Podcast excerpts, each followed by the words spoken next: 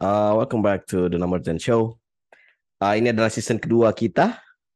Jadi sebagai pembuka mari kita mengucapkan marhaban ya Premier League. Selamat datang kembali musim sepak bola. Welcome back. so berhubung Premier League sudah dimulai dan kemarin sudah selesai pekan pertama. Jadi kita pengen mereview aja um, review singkat uh, match pertama. So di match pertama kemarin City menang 2-0. Ya. Erling Haaland menang uh, cetak dua gol harusnya hat trick cuman yang satunya dianulir karena offside kan. Hmm. Terus uh, Leicester Brentford seri dua sama, United Brighton secara tidak mengejutkan kalah satu dua meskipun Brighton tanpa kukur ya. Dan Ives Bisoma dan Ives Bisoma uh, Everton kalah tipis 1-0 dari Chelsea. Bournemouth uh, berhasil menang di pekan pertama ngalahin Aston Villa-nya Steven Gerrard. Leeds United menang 2-1 lawan Wolverhampton Wanderers. Newcastle secara tidak mengejutkan juga berhasil menang lawan Nottingham Forest. Uh, Spurs menang menang meyakinkan 4-1 yeah. lawan Southampton dan prediksi saya mungkin akan jadi kenyataan tuh kalau Ralph Hasenhuttl bakalan out sebelum uh, paruh paruh pertama berakhir nih. Iya, yeah, uh, terus Fulham Liverpool uh, Liverpool sukses menahan imbang Fulham ya ternyata ya. sukses menahan juara championship sukses menahan juara championship dan yang terakhir yang sekaligus jadi pekan uh, pekan pembuka kemarin Crystal Palace kalah 0-2 dari Arsenal. So, Median, gimana menyambut pekan pertama kemarin? Apakah hasil-hasil yang ini uh, di luar ada yang di luar dugaan atau memang ya ini hasil yang sebenarnya 50% sudah bisa diprediksi meskipun ada transfer in transfer out dari masing-masing klub. Sebenarnya secara overall ya kalau dari 10 match pertama ini ada dua sebenarnya yang jadi kejutan ya uh, di pekan pertama yaitu Fulham Liverpool dan uh, Bournemouth Aston Villa. Oke. Okay. Jadi ya kita sama-sama tahu lah uh, Fulham Liverpool sebenarnya kalau kita lihat dari uh, statistik sebenarnya ini match harusnya sudah jadi mutlak milik Liverpool gitu. Ya. Sebelum pertandingan ini pun sebenarnya semua mengunggulkan Liverpool, tapi pada saat di in game sosok Mane itu memang uh, tidak bis belum bisa digantikan sama untuk, Luis Diaz. Iya, Luis Diaz dan siapa? Nunes. Oh, Darwin Nunes. Nah, sebenarnya Muhammad Salah itu seperti dia seperti sendirian. Sebelumnya pun seperti itu dia uh, aksi individunya pun uh, pada saat ada Mane pun tetap seperti yang kita lihat kemarin pada saat lawan Fulham. Cuman uh -huh. seperti ada yang hilang chemistry-nya gitu. Jadi mungkin uh, ini masih di awal musim. Uh, Luis Diaz juga hitungannya belum belum genap satu musim. Nunes masih masih butuh waktu untuk dapatkan chemistry dengan Mo Salah ya. Okay. Jadi uh, match Fulham Liverpool kemarin sih sebenarnya kalau mun kalaupun misalnya fans Liverpool pasti melihat itu kurang puas. Hasil dua-dua justru uh, tergolong bagus ya kalau dilihat dari permainan ya. Karena dari sosok wajahnya Klopp itu aja sebenarnya itu so, uh, ini ya. Mimiknya itu menunduk terus tuh ke bawah. Seperti baru sadar kok bisa Mane pergi gitu. Karena main di Craven Cottage itu bola itu melayang terus tuh. Itu hal yang nggak disukain sama klub tuh. Scott Parker tuh kayaknya sudah uh, membaca juga gitu. Jadi sebisa mungkin bola itu main-main long ball gitu kan, jangan main kaki ke kaki. Jadi uh, dalam hal ini saya nggak tahu Fulham itu antara Fulham atau Liverpool yang beruntung di match ini. Satu hmm. sisi kita tahu Fulham itu sama seperti Norwich tuh. Betul. Ups and, ups and down kan, naik, uh, turun lagi gitu kan. Jadi saya bilang Fulham beruntung. Ini match pertama, form Liverpool lagi kurang bagus. Tapi pada saat di in game Liverpool beruntung juga dari kondisi tertinggal uh, dua kali bisa mengejar gitu. Sedangkan di matchnya Bournemouth Aston Villa, komposisi pemain Aston Villa itu kalau misalnya mau dibandingkan dengan Bournemouth harusnya bisa menang. Iya. Uh, tapi ternyata faktor tuan rumah Bournemouth itu bisa memberikan apa ya boosting besar bagi tim promosi ya. Promosi Bournemouth, ya. musim ini. Jadi Hmm. secara keseluruhan sih uh, City ya menang 0-2 lawan Sam. Kemudian Arsenal, MU eh bukan kejutan ya. Bukan kejutan ya, meskipun sudah jadi e- era baru ETH ya. Iya, jadi new manager, new season, same shit. Jadi kita kita nggak usah lah terlalu banyak ekspektasi dulu kan. Ya, Jadi ya, ya. mungkin secara keseluruhan hanya dua match itu tadi sih kalau dari saya yang jadi kejutan. Eh, plus ya tadi yang kamu mention Spurs itu menang meyakinkan Hmm. 4-1 itu skor yang sebenarnya untuk tim Conte itu jarang ya kita Ya. lihat ya.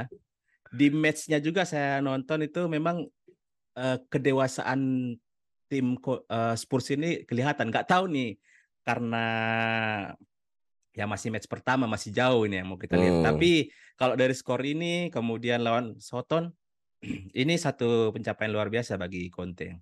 Ah, itu tahu nggak kenapa Spurs eh, menang besar 4-1 tuh? Kenapa? Itu pas mereka pre-season di Korea dikasih makan daging babi semua itu sama Son, barbecue, pork barbecue mereka, makanya ken- kenyang kan? Se- segar semua pikirannya. Kalau tadi kamu eh, nyebutin menyoroti match Fulham Liverpool, ah possessionnya Fulham itu cuma 33% ya. Iya. berbanding 67 persen. jujur, aku nggak sama sekali nggak nonton tuh match itu. Karena kamu nonton match itu, emang memang Fulham setertekan itu kah? Eh, nggak tertekan, cuman Liverpool memang menguasai bola tapi nggak ada kreativitas. Jadi Ah, yang biasanya kita mengetahui keunggulan salah satu keunggulan Liverpool itu di dua fullbacknya, justru itu yang dimanfaatkan oleh Fulham. oh, Kelihatan dari eh, salah satu contohnya gol pertama Fulham itu yang dicetak Mitrovic mm-mm. itu umpan dari sisi kanan pertahanan Liverpool, umpannya bukan ke kotak penalti pas, tapi agak lewat sedikit ke arah Trent Alexander-Arnold. Jadi umpannya itu sengaja seperti dilewati zona Virgil van Dijk dengan Joel Matip tuh. Mm, mm, mm. Trent Alexander-Arnold kondisi eh, ya nggak bagus kalau masalah heading gitu kan. Pada saat eh, turun membantu pertahanan juga sering terlambat. Jadi itu eh, memang se- apa ya efektif lah permainannya Fulham. Kalau dari Liverpool sebenarnya menguasain bola kelihatan dari statistik juga kelihatan gitu kan. Mm, Di in game juga seperti itu. Cuman minim kreativitas dan eh, penyelesaian akhirnya eh, yang belum bisa kelihatan di match itu. Tapi di match Liverpool eh, Fulham itu kan ada satu peluang dari Luis Diaz kalau nggak salah yang kena mister apa ditepis ya sama Enggak, Tipe- kena mistar. kena mister ya. Ya, bola liar di kotak penalti, kemudian eh, Luis Diaz ya langsung flashing Ah. ke sudut gitu. Oke, secara keseluruhan match Liverpool, eh, saya mau nanya tentang Darwin Nunes. Golnya terlepas dari kontribusi dan chemistry Darwin Nunes sama Mo Salah dan eh, Luis Diaz atau mungkin Bobby Firmino yang ma- masih kurang Hmm.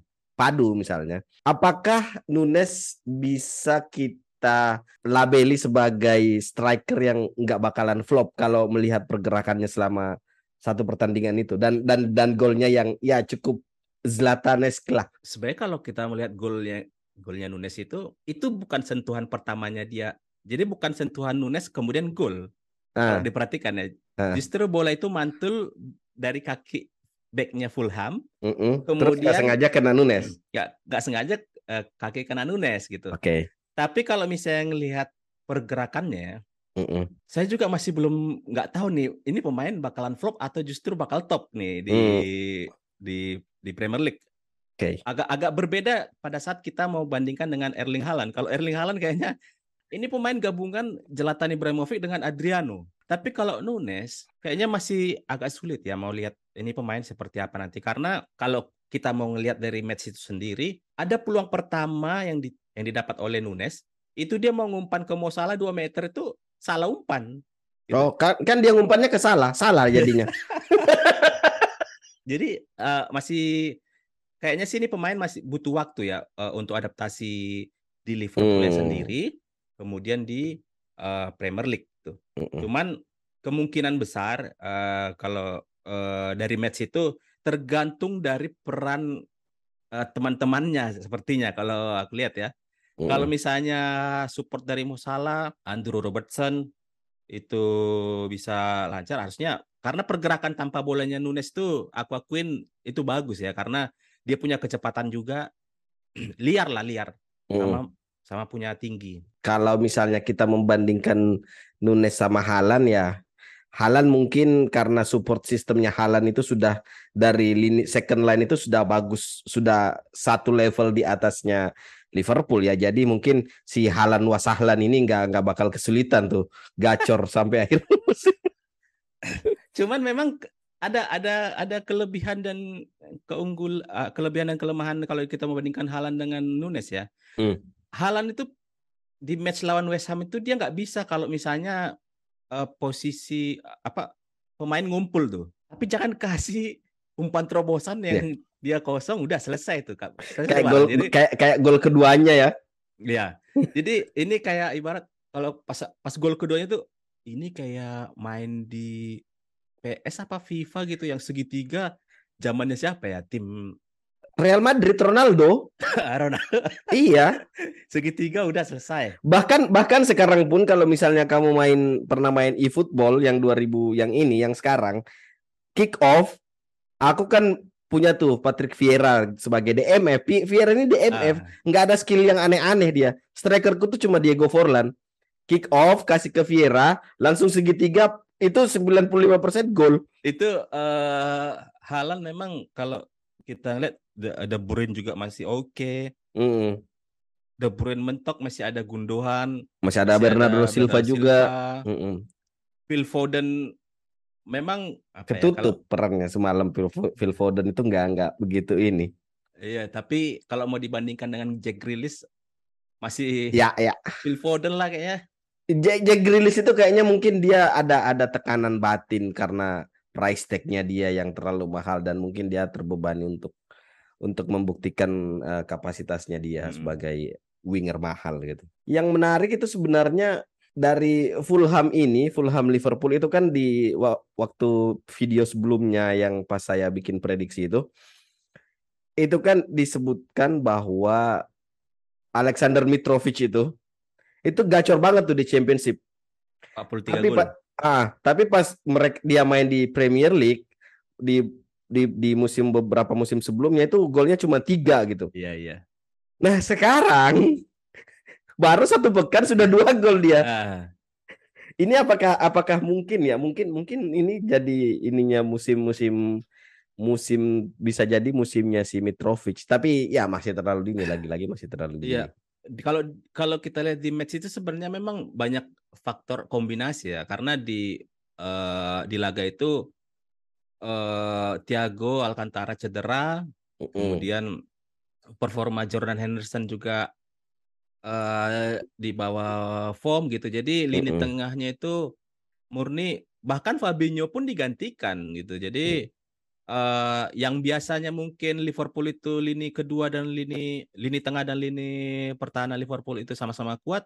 Kemudian di match kemarin itu kurang inilah di tengah akhirnya Mitrovic pun uh, berhasil ya men, me, bahkan mengelabui sosok Van Dijk gitu. Hmm. Jadi padahal ya. dia ini kan uh, badannya besar juga tuh si Mitrovic, tapi bisa membuli Van Dijk itu ya istimewa yeah. juga sebenarnya. Uh, ini kalau misalnya kita pikir-pikir lagi, mungkin ini adalah tahun musim terakhir bagi klubnya Liverpoolnya klub bah dan harusnya sih klub harusnya sadar di di musim ini ya bahwa skuad mereka itu kedalaman skuad mereka itu nggak begitu bagus sebenarnya. Dalam ya. dalam artian uh, gelandang gelandangnya pun sekarang mungkin ini adalah waktu yang tepat bagi klub untuk peremajaan skuad ya nggak sih Ya, jelas. Karena dari di match itu sosok apa yang baru kamu bilang itu sama persis apa yang saya pikirkan khususnya di sosok Jordan Henderson dan Muhammad ya, Salah. Ya. Jordan Henderson itu sekarang yang dia punya itu cuman sosok kepemimpinannya aja. Mm -mm. Dari segi fisik itu kelihatan mm -mm. banget pada saat kita melihat musim terakhirnya Wayne Rooney. Uh, mungkin yang bisa diharapkan dari Henderson ini hanya sosok uh, faktor leadershipnya ya. Hmm. Sedangkan Mo Salah nggak tahu ya, ini karena musim baru jadi masih belum terlalu fit. Itu belum panas beda dia. tuh segar uh, apa ya fisiknya itu beda kalau iya. kita lihat fitness kan. level sih istilahnya Iya ini um, mungkin mungkin bisa jadi ini karena masih musim baru tapi Mm-mm. kita nggak bisa juga kalau kita mau lihat dari umur udah Ya, 31, 32, 30 30 30. Virgil van Dijk juga sudah kepala tiga tiga, kepala gitu kan. tiga ya. Joel Matip Joel Matip i- Mm. paling siapa Jordan Henderson eh paling si Trent Alexander Arnold sama Andrew Robertson yang yang Iya. golden age kan. Jadi Ah. mungkin ya yang kamu bilang itu apalagi di di sisi tengah sih kalau aku lihat Tengah, iya, paling tengah. ini ya, paling krusial ya. Mm-mm. Karena Nabi Keita Nabi Keita itu ya? sebenarnya bagus, cuman nggak tahu kenapa gara-gara cedera jadi nggak nggak perform dia. hmm, memang levelnya dia hanya sebagai pelapis kalau kita lihat sejauh ini ya. Mm-mm. Itu Mohamed Salah, kenapa dia masih kurang segar gitu? Pas kemarin libur balik Mesir, dia capek makan kebab. Kalau kalau pemain pemainnya Spurs eh, segar karena makan daging babi, ini salah capek dia karena makan daging anu kebab. Iya iya iya. Kita Kemudian kalau yang Ah. yang menarik ya di match match yang lain kalau dari saya pribadi itu Newcastle lawan Forest ya. Ah, menarik dalam artian bukan matchnya. Forest ini ya Hmm. dengan segala kehebohannya masuk ke Premier League setelah sekian lama ya ya. ya ya. Lee Cooper siapa? Ah, Steve Cooper. Steve Cooper. eh, Semoga dia sadar kalau dia ini main di Premier League gitu.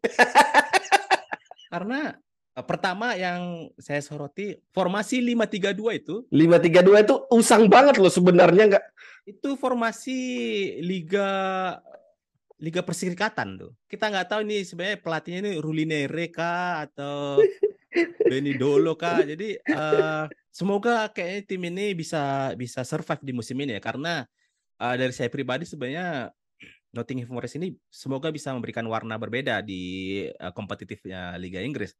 Cuman kalau dari Newcastle antara apa ya? Ini kan tim sebenarnya tim kaya ya. Tapi kalau kita lihat dari geliat transfernya musim ini adem ayam sebenarnya. ada mayam gitu. Mm-mm. Cuman eh, nggak tahu ini memang bos-bosnya yang miliarder di atas sana itu sosok yang hati-hati dalam melakukan pergerakan. Mm-mm. Tapi kalau dilihat dari match itu kemudian komposisi pemainnya dua pemain saja ini cedera antara Gimares dengan Sama Alan Trippier, Maximin. Oh, oke. itu selesai nih tim. Ah, ya, Dan ya, ya. Maximin kayaknya Maximin tuh lari bisa, tapi nggak ada hasil akhirnya gitu. Iya. Muter-muter gitu. Jadi eh, nggak tahu karena dia meng- eh, menghadapi tim formasi 5-3-2 ya. Mentok tuh memang kecuali kalau eh, lagi menghadapi tim yang defensif lainnya agak tinggi, Betul. cocok tuh gitu Cocok kan. tuh, Jadi ya. eh, gaya mainnya Maximin ini nggak nggak efektif kalau lawan tim yang Tim low block. eh, low block gitu. Jadi kalau dari prediksimu kemarin tuh kan Newcastle tuh di lini tengah ya. tengah ya ya ya. Kayaknya sih masih masih bakalan di masih bakalan di situ. Ah, ah. Tapi ini menjadi agak sedikit kontradiktif dengan kondisi keuangan Newcastle. Harusnya kan sebenarnya targetnya mereka itu lebih tinggi lah Lebih gitu tinggi kan. ya. Pemain siapa pun sebenarnya bisa di mungkin nggak ter- tergolong bintang tapi seperti golongan-golongan Bruno Gimares lah gitu. Jadi kalau di match itu murni dari dua pemain itu yang jadi antara ini memang pemain pembeliannya efektif jadi Mm-mm. bisa kelihatan Mm-mm. atau justru pendapat lain seperti ini. Misal nih performa Newcastle nih bagus nih karena dua pemain ini kan. Kayak yang aku bilang tadi, kalau dua pemain ini cedera, Mm, selesai gitu habis. kan. Ya. Tapi di sisi yang lain, kalau dua pemain ini nggak perform, bakalan jadi ngapain beli pemain itu kalau nggak perform gitu kan. Mm, Jadi, mm. Ah, ini sebenarnya dua mata pisau yang anu buat eh, buat Newcastle. Jadi eh kalau pengen survive di Liga Inggris Newcastle bak- bakalan survive. Tapi kalau Nottingham Forest Steve Cooper nih apalagi ada satu satu momen ngambil set piece corner Oh iya iya iya tahu tahu tahu. itu pada saat aku nonton tuh loh wah ini seru nih gitu kan. Ternyata nggak ada hasil sama sekali. Aku aku aku curiganya Steve Cooper ini kebanyakan nonton Subasa kayaknya atau kebanyakan baca Subasa kayaknya dia ini. Berharapnya ada Tachibana bersaudara yang tiba-tiba Hmm. lompat gitu kan ngambil corner kick setelah dari Hiroshi Jito kan. Jesse Lingard di di match itu kalau aku perhatikan lebih Heeh. banyak kipernya Forest pegang bola dibandingkan dengan dia. Oke, Dean Henderson lebih banyak pegang bola ya dibanding Jesse Lingard ya ya ya. ya. Cuman lari-lari nggak jelas gitu. Padahal kan dia sebenarnya digadang-gadang tuh jadi kartu as Nottingham Forest. Wis. Iya, masalahnya di pemain Forest itu di belakang semua. gitu. Jadi apa ya? Main apa Mm-mm. ini? Jadi Mm-mm. kayak mungkin kalau di championship masih bisa tuh pakai kayak gitu. Tapi Mm-mm. nggak tahu ya nanti ke depannya. Aku aku baru baru nyadar kalau ternyata gelandangnya eh, Nottingham Forest itu Jack Colback itu pemain lama ya. Iya, pemain Sunderland, Sunderland, iya, iya Sunderland. yang rambutnya Dan pirang tuh. ah ah. kalau aku tadi mau menanggapi tentang Newcastle itu, aku berpikirnya karena Newcastle mungkin eh, asumsiku adalah pemilik Newcastle ini eh, berusaha membangun pondasi lebih awal dulu nih. Sama Hmm. ketika Manchester City awal-awal rebuilding, jadi Eddie Howe itu eh, si siapa yang pelatih eh, City pas awal Taksin Sinawatra itu yang ex United Si ini Kapten Marvel si bukan Captain Marvel Bukan, bukan Brian ya? bukan si ini Ma- Mark Hughes Oh Mark Hughes. Ah, jadi Ah. si si Eddie Howe ini Mark Hughes jadi nanti mungkin setelah beberapa musim kalau Newcastle survive di papan tengah dan mungkin bisa mendobrak ke Europa League pada saat bertepa- bertepatan dengan Roma eh, Tsunami Trophy bersama Mourinho Mourinho Mourinho diambil sama Newcastle dan menjadi eh, Roberto Mancini-nya eh, Newcastle United. Jadi Tsunami Trophy lagi di di Newcastle gitu. Tapi pelatih Newcastle baru diperpanjang loh kontraknya, long Iya, nggak- term kontrak. Nggak apa-apa ya. Itu juga diperpanjang dengan catatan kecil tuh di bawah di bawah kontrak. Kalau dia nggak bisa perform itu dipenggal palanya. Kan kan yang, punya Newcastle kan si si ini kan si Saudi Group kan. Kayaknya Newcastle bisa bisa bisa survive sih. Eh, match lain ah ini nih ini, ini. Yang tadi Liverpool Fulham saat ada satu yang menarik tuh. Ya. Eh, Jurgen Klopp komplain katanya lapangannya terlalu kering. Aduh, aduh. Memang ini musim eh, apa? Musim panas nih bahkan ada water breaknya di musim ini kan karena Iya. saking panasnya gitu. Cuma Mm-mm. ngomong-ngomong water break, coba kamu tebak kalau di di MLS juga MLS juga ada water break. Mm-mm. Tapi bukan water break namanya. Apa kira-kira namanya? Eh, nggak tahu. Hydration break. Lebay betul. Hydration. Wah, lebay, lebay betul. Ah, terus ini nih, apa? Chelsea Everton, Everton eh, kalah tipis lewat gol penalti tapi Tuchel di post match interview ngomong, "Ya bodoh amat, ya menang ya menang," katanya. Hmm. Eh, secara keseluruhan singkat aja, Chelsea apakah ini bisa dibilang tren bahwa Chelsea akan men- sedikit menurun? Karena Timo Werner kayaknya mereka beneran krisis striker nih kayaknya. Aku nggak tahu si Tuchel nih. Aku setuju dengan pendapat Koci. Tiga empat tiganya Coach eh, Tuchel nih karatan nih. Semua, semua, se- se- semua pelatih Inggris yang satu, setelah satu musim pakai formasi 3-4-3 itu pasti ampas di musim berikutnya. Jadi karatan itu aku bilangnya Ah. mereka kan nggak punya striker murni ya. Iya, nggak perlu, nggak punya. ah.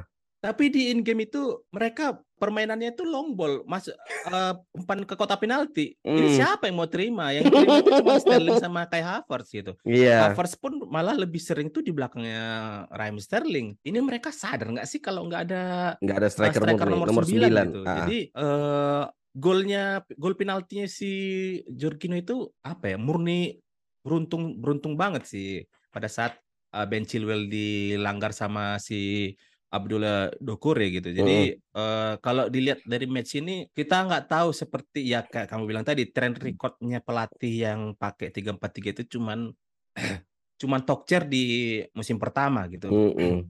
musim berikutnya bak- eh, bakalan eh, ya ampas gitu. Tapi kalau misalnya dilihat dari matchnya memang eh, awal mulanya itu aku ngiranya Armando Broha yang bakal Hmm, jadi dipasang ya dari dari Southampton ya balik ya. Iya, tapi Mm-mm. ternyata menit 75 baru dimasukkan. Nggak tahu.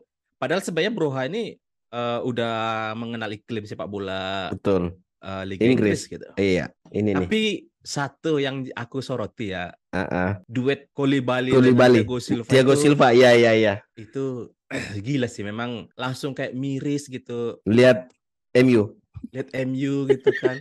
Punya Maguire ini Thiago Silva, Koulibaly. Gila sih bilang keren sih kalau Padahal gitu. padahal eh, Thiago Silva itu sudah 37 tahun loh. Iya, jadi apalagi satu interceptnya itu pada Yang yang bola balik. udara itu bukan? Bukan, bukan. Jadi intercept eh, serangan balik Mm-mm. yang Demaregare itu yang bawa serangan balik kemudian diintercept sama tinggal satu sendiri nih Thiago Silva. Ah, ah, ah. Bisa direbutnya bola gila misalnya. Iya itu memang kematangan back itu nggak bisa diukur dari umur memang. Sama seperti halnya Maguire. Kita nggak tahu 35 tahun nanti Maguire bakal seperti apa gitu. Apakah pensiun atau masih main di divisi 2, divisi 3 gitu. Nah, ngomongin Manchester United. Sebelum masuk itu kamu udah nonton yang cuplikannya pada saat Se- di tunnel yang salah tempat terus dimarahi sama De Gea. Iya. Aneh memang kapten kok nggak nggak karu-karuan. Ya, oke. Kamu gimana ngeliat Me- Messi? Apa? Ngelihat MU? Iya. Aku sempat optimis ketika Marco Correa dibajak sama Chelsea kan. Oke, nggak ada yang yang nggak ada tuh yang mengganggu di sebelah kiri. Eh ternyata ya kita ya nggak bisa berharap banyak karena Rashford itu bukan striker murni. Iya. Terus kelihatan banget kalau memang eh, koordinasi antara backnya United itu nggak nggak nggak ada minim-minim koordinasi memang dan terlalu sering kecolongan eh, terlalu sering ada ruang yang lebar di antara antar lini gitu dari dari sek- dari back ke second line dari second line ke Ya. tengah gitu dan akhirnya mau nggak mau formasinya Ten Hag eh, nggak nggak berjalan. Praktis nggak berjalan tuh di 45 menit pertama gitu. Ya. di babak kedua itu sempat tuh meskipun memang ujung-ujungnya kalah tapi seenggaknya kita bisa mengapresiasi pressure yang diberikan United ke Brighton seenggaknya 25 menit terakhir gitu kan dan aku sorry to say sih tapi memang Maguire tuh nggak layak. Aku nggak nggak bisa melihat satupun atribut yang bisa di diandalkan dari Maguire pada saat United dihadapkan eh, dalam situasi counter attack atau serangan dari sayap ataupun misalnya scrimmage atau mungkin bola-bola crossing. Satu-satunya yang bisa bisa diandalkan dari Maguire itu adalah umpan umpan jauhnya aja sih. Udah itu aja kalau di jauhnya ke koor- lawan ya. ke lawan tapi Tapi Harry Maguire nih baru match pertama dia sudah cari kambing hitam tuh. Jadi di wawancaranya eh dia masih bawa-bawa nama Lisandro Martinez nih. Kami Hmm. masih baru, masih baru duet. Kami berharap akan tampil Mm-mm. baik. Harusnya dia itu yang jadi apa ya? dia nggak yang harus perlu. pegang ini kan dia dia bukan bukan nyari kesalahan ke ke Iya. temannya tapi harusnya dia yang pasang badan di situ gitu Dia manfaatkan kondisi Martinez ini pemain baru. iya Padahal harusnya dia tuh yang jadi komandonya di situ kan. iya Cuman kalau dari match United kemarin sih satu yang apa ya? Yang poin plusnya murni hanya Christian Eriksen aja kalau yang aku lihat ya. Jadi eh, di awal apa sorry bukan di awal pada saat di di Babak pot kita kedua. sebelumnya pot kita sebelumnya juga kita Oh. udah bahas sebenarnya Christian Eriksen ini bukan pemain kacangan gitu. Hmm. Udah lama juga di Liga Inggris, kemudian Hmm. sempat di Brentford 6 bulan. Jadi eh, Christian Eriksen langsung bisa nyetel. Puncak komedi match ini sebenarnya pada saat Danny Welbeck ditarik kemudian dapat aplaus dari semua penonton di Old Trafford.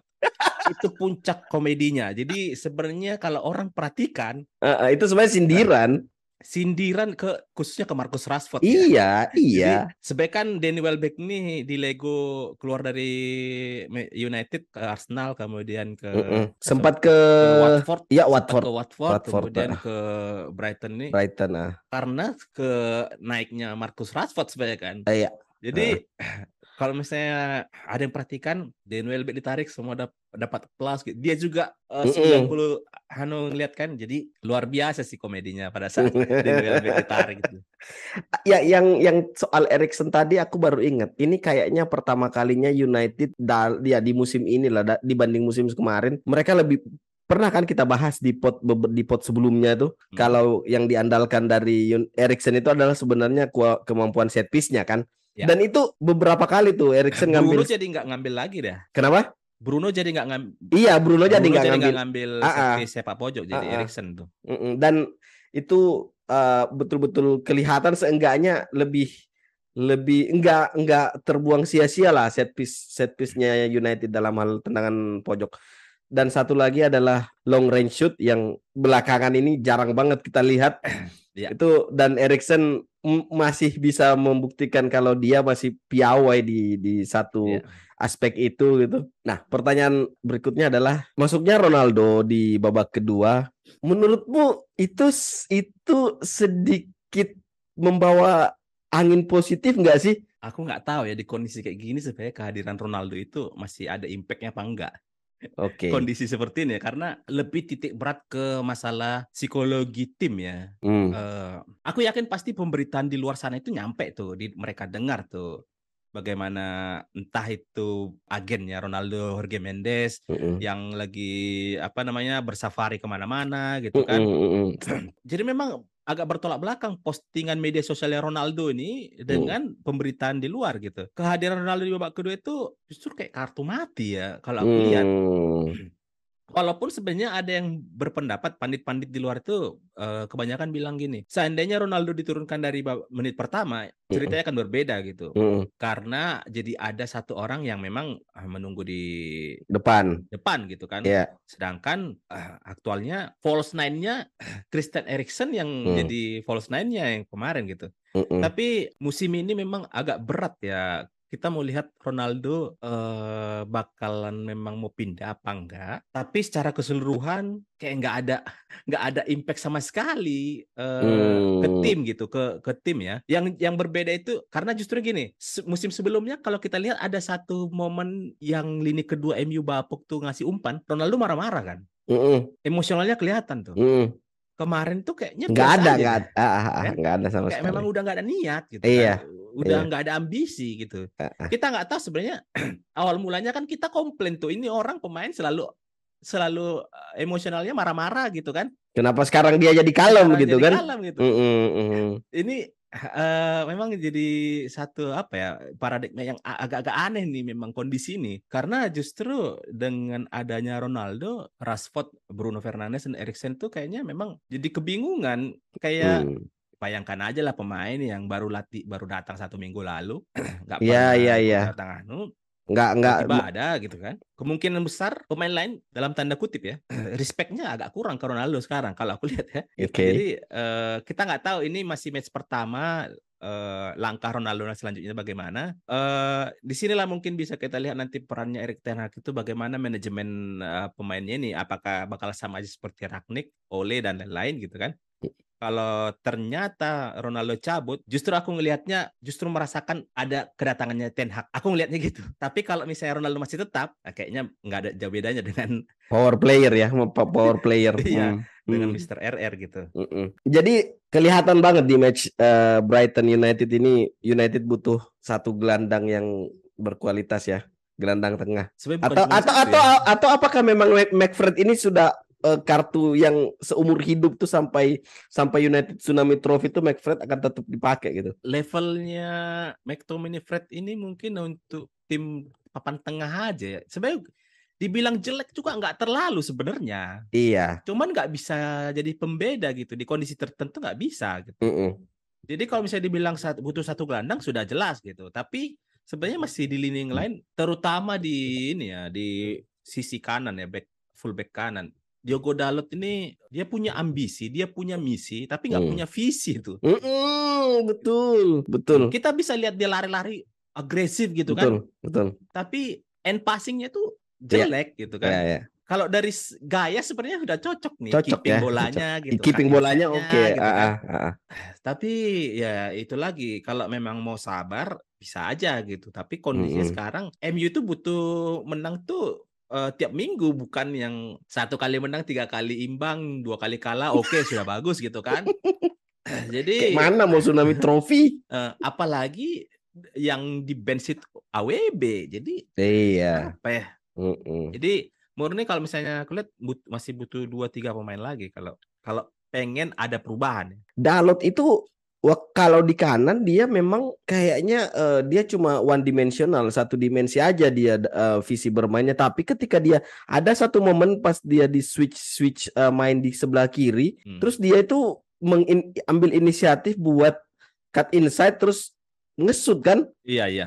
Dan itu Sebenarnya ternyata justru lebih berbahaya kalau dia ngesut dibanding pak diagonal pas. iya iya Kalau iya iya. melihat ya, Itu poinnya daripada iya. diagonal pas, crossing gitu, Ah, Heeh. nggak ada sama sekali. gitu. Heeh, betul. Kalau melihat Dalot di sebelah kanan itu aku langsung teringat Valencia gitu. Valencia tapi setidaknya kadang umpannya tuh masih ada yang dua kali bulat tahu nggak yang bola datang Kadang, kadang. Iya kan? Maksudnya ya Valencia tuh tahu sendiri lah gerakannya Valencia dulu masuk di sebelah kanan terus samba dummy gitu, Iya iya iya. terus ngumpan gitu kan. Dalot pun di sebelah kanan juga kayak gitu. Tapi ketika dia dipasang di sebelah kiri dan mengambil inisiatif seperti itu, wah ini si kawan ini bisa ngasih opsi lain nih kalau jadi di, dipasang di sebelah kiri gitu. Nah, satu pertandingan terakhir Manchester City West Ham, Halan Wasahlan.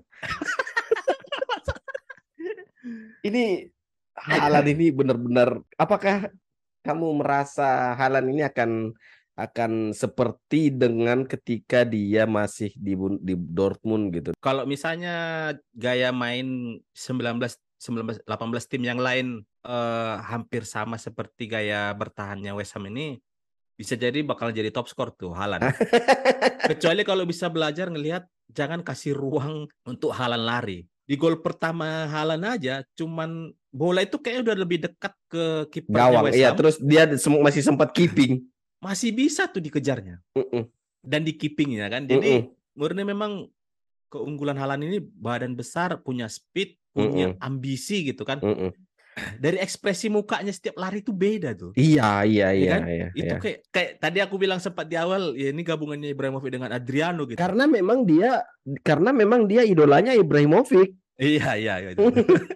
Jadi ada terpatri dalam dirinya dia kalau idola saya tuh kayak gini, saya harus seperti dia gitu. Apalagi di belakangnya ya Gundogan dengan Iya, support sistemnya bagus dia. kita lihat sih mem- memang bakalan bakalan menarik karena di match itu sebenarnya komentatornya sempat bilang gini, eh, Hmm. Pep Guardiola tuh nggak terbiasa tuh pakai striker nomor 9 Nomor 9 gitu kan. iya. Yang tipikalnya eh, strikernya seperti Halan ini yang punya bes- Mm-mm. eh, badan besar gitu. Tapi justru mungkin Pep Guardiola itu saat ini mer- bisa jadi di match itu Guardiola kaget dengan hasil yang diraih dan performa Halan. Jadi kaget itu gini, sama seperti yang disampaikan, aku nggak biasa nih pakai striker, tapi ternyata bisa gitu Mm-mm. aku ngelihatnya ini justru yang apa ya hasil yang diraih Pep karena berhasil untuk sistem di City dengan kombinasi pemain yang ada gitu bisa menjalankan apa yang diinginkan karena ada di satu momen tuh Pep pernah bilang gini saya nggak pernah masalah kalau kalian tuh bikin kesalahan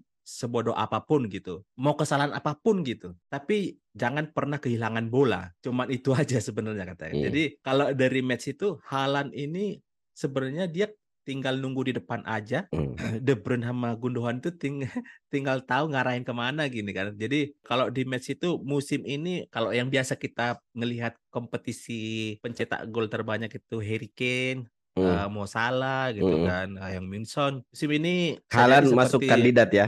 Seperti musim pertamanya gabung Dortmund tuh langsung talk chair juga kan. Kalau Iya. nggak salah dua gol apa tiga gol gitu di debutnya gitu. Jadi Iya.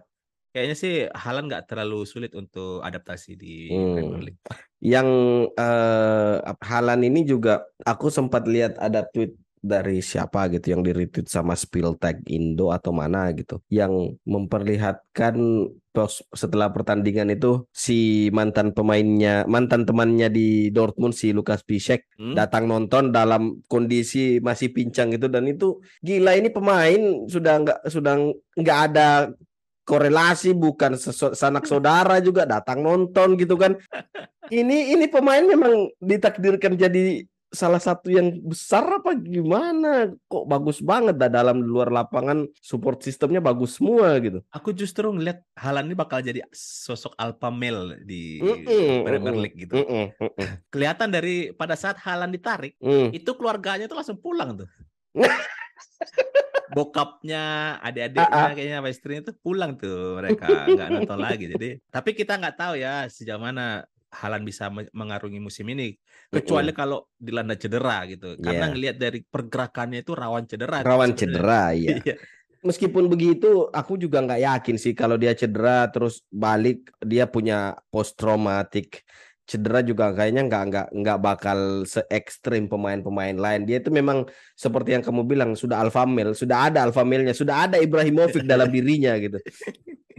Iya. Dan ini juga sekaligus menjadi menyambung dari omonganmu tadi bahwa seperti yang pernah kita sebut di podcast di beberapa di episode sebelumnya juga bahwa uh, mungkin ini adalah musim bagi Guardiola di mana gaya bermainnya Manchester City itu berubah gitu, nggak seperti yang musim-musim sebelumnya dan bahkan mas cuma satu pertandingan ini aja sudah kelihatan gitu. Berkali-kali serangan itu pasti langsung ke Halan Ya. Bukan dari sayap, bukan dari umpan-umpan pendek dan pemain ada satu dua pemain yang masuk merangsek ke lini ke, dari lini kedua ke kotak penalti tapi ini pokoknya pemain high defensive line tinggal ngasih bola ke Halan udah tinggal biarin aja dia lari gitu. Udah udah kayak main PES 6 Adriano gitu loh.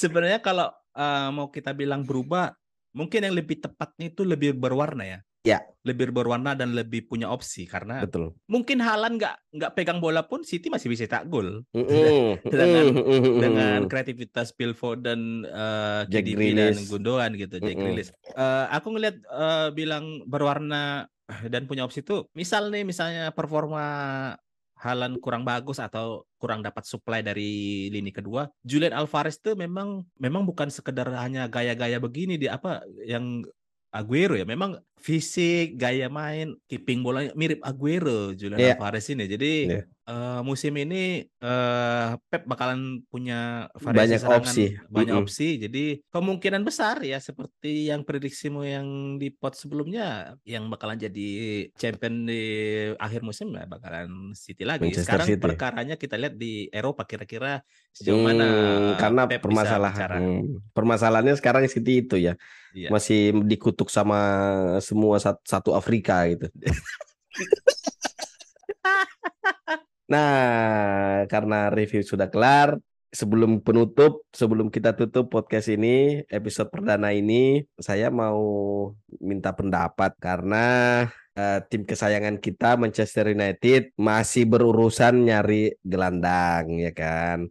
De Jong masih jadi tahanan rumah di Spanyol, terus eh yang terbaru katanya Marco Arnautovic dan Adrian Rabiot itu jadi inceran. Bahkan itu nggak pernah kepikiran loh ada pemain sekelas Adrian Rabiot, Marco Arnautovic diincar United. Ini kamu melihat ini sebagai nggak ada opsi lain lagi kah? Atau memang scouting timnya United ini memang ampas banget gitu loh.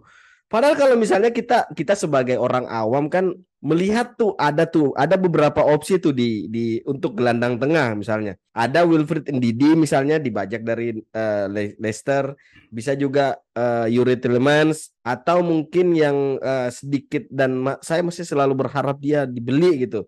Ruben Neves. Hmm. Tapi kenapa tiba-tiba dua nama ini Marco Arnautovic dan Adrian Rabiot itu naik gitu loh? Naik ke permukaan. So padahal padahal kalau dipikir kalau misalnya kita lihat uh, twitternya si Scott Peterson yang yang Republic of Manchunia itu ternyata Marco Arnautovic itu waktu dia ketika dia masih main di Eredivisie Tempat dia sama tuh Ten Hag. sama Ten Hag itu dia kena kasus rasis rasis ah, ini loh rasisme loh dia itu Iya. Ah, dan kalau pemain seperti itu mau diambil sama United, ya memang klub ini memang finish klub lah, nggak usah lah berharap tsunami trophy itu nggak ada itu. Terus Adrian Rabiot itu itu mikir nggak sih kenapa? Ya ampun, ini ini aku aku sampai speechless loh baca artikel baca statement dari Romano dan beberapa artikel. Nah, kamu melihat ini menanggapi hal ini seperti apa? Uh, pertama, kalau misalnya dibilang kok bisa ada naik ke permukaan dua pemain ini dan bukan bukan ini lagi sudah sudah jadi pembicaraan media-media uh, di luar gitu. Jadi hmm. bukan sekedar gosip. Mungkin bisa jadi panik buying sebenarnya panik buyingnya itu ampas gitu. Sebenarnya bisa nggak salah sebenarnya panik buying gitu kan. Jadi hmm. pemain mana gitu yang jadi pengganti dari incaran pertama gitu. Tapi ini sebagai sekilas info ya, dua jam yang lalu uh -uh. diberitakan di Atletik awalnya kan bid MU itu ke Bolonya itu 4 juta ke Arnautovic. Oke. Okay.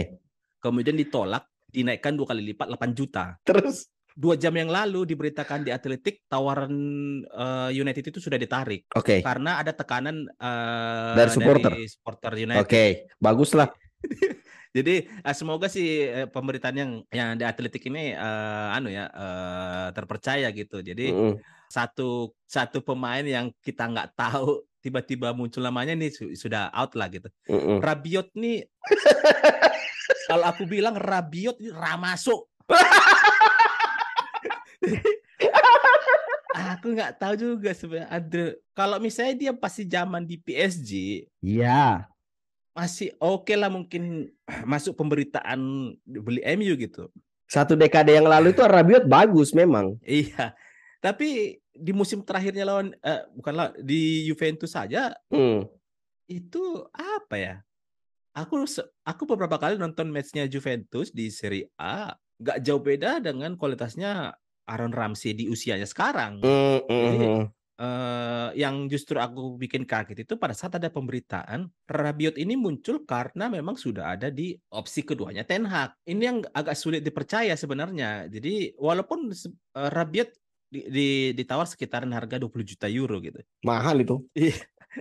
Harga berapapun sebenarnya MU gak ada masalah uang gitu kan. Mm, mm, mm. Yang jadi masalah nih sebenarnya kalau memang Rabiot ini jadi opsi karena kegagalan transfernya De Jong, ini downgrade-nya berapa level nih turunnya nih gitu. gitu.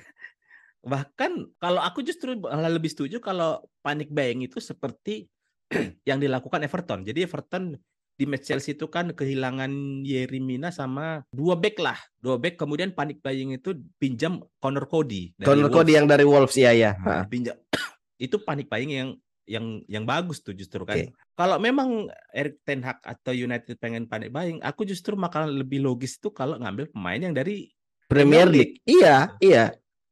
bukan dari dari Serie A ada Rabiot lagi gitu.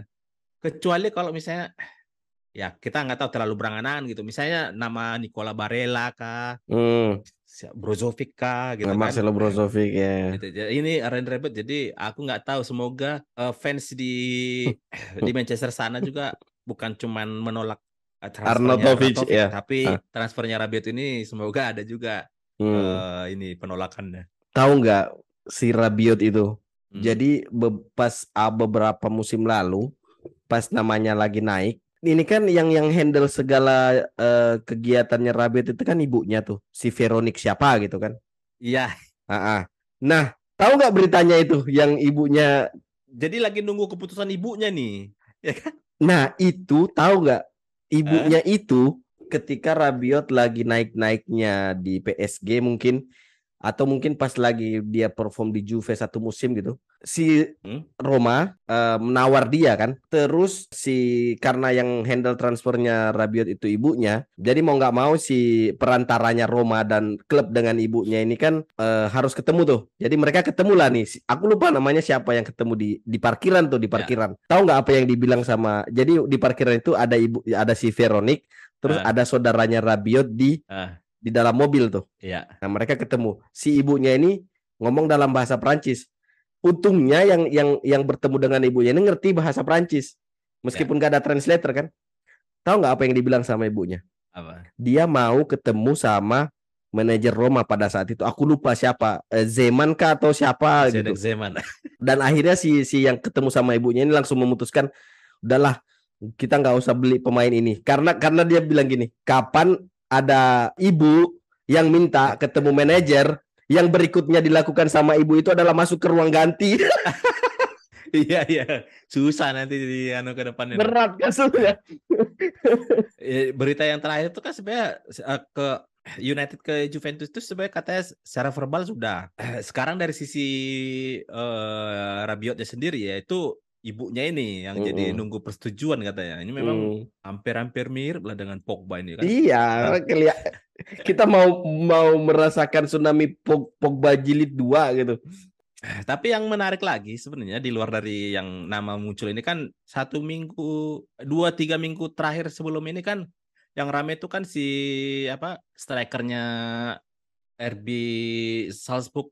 Oh De- Benjamin, Sesko. Dan kamu udah tahu dapat beritanya? Eh, Romano kan? Ya Udah, udah. sudah pindah ke Leipzig. Leipzig.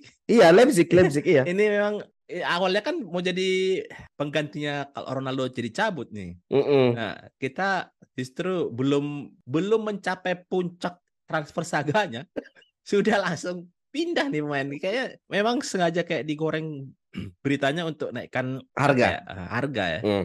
Dibilang United itu cuma bumper doang. Namanya Manchester United cuma bumper buat transfer pemain gitu. Jadi ya sorry to say lah United itu sekarang bukan bukan greatest tim lagi. Apa? United itu sekarang bargaining posisinya tuh jelek banget. Apa yang mau diandalkan sama United coba? Pemain mana coba yang mau pindah ke United kalau eh, misal kayak De Jong lah, mak ya logis aja sih. De Jong Eh. mana mau main di Europa League. Ini Romano satu menit yang lalu nge-tweet Hmm. MU sudah ini sama Juve 17 juta euro, tinggal masalah gaji. nggak apa-apa nanti jadi yang jadi asistennya asistennya Erik Ten Hag itu Veronik udah Sebenarnya yang nanti bakalan pusing tuh Donny van de Beek. iya Nih, Hmm. aku mau jadi apa nanti nih? James Garner James Garner ya. Aduh. oke eh, ada kata-kata penutup sebelum kita closing Mungkin menarik nanti menunggu pergerakan transfernya Ten Hag ini, tapi eh, yang lebih menarik lagi sebenarnya performa Arsenal di musim ini.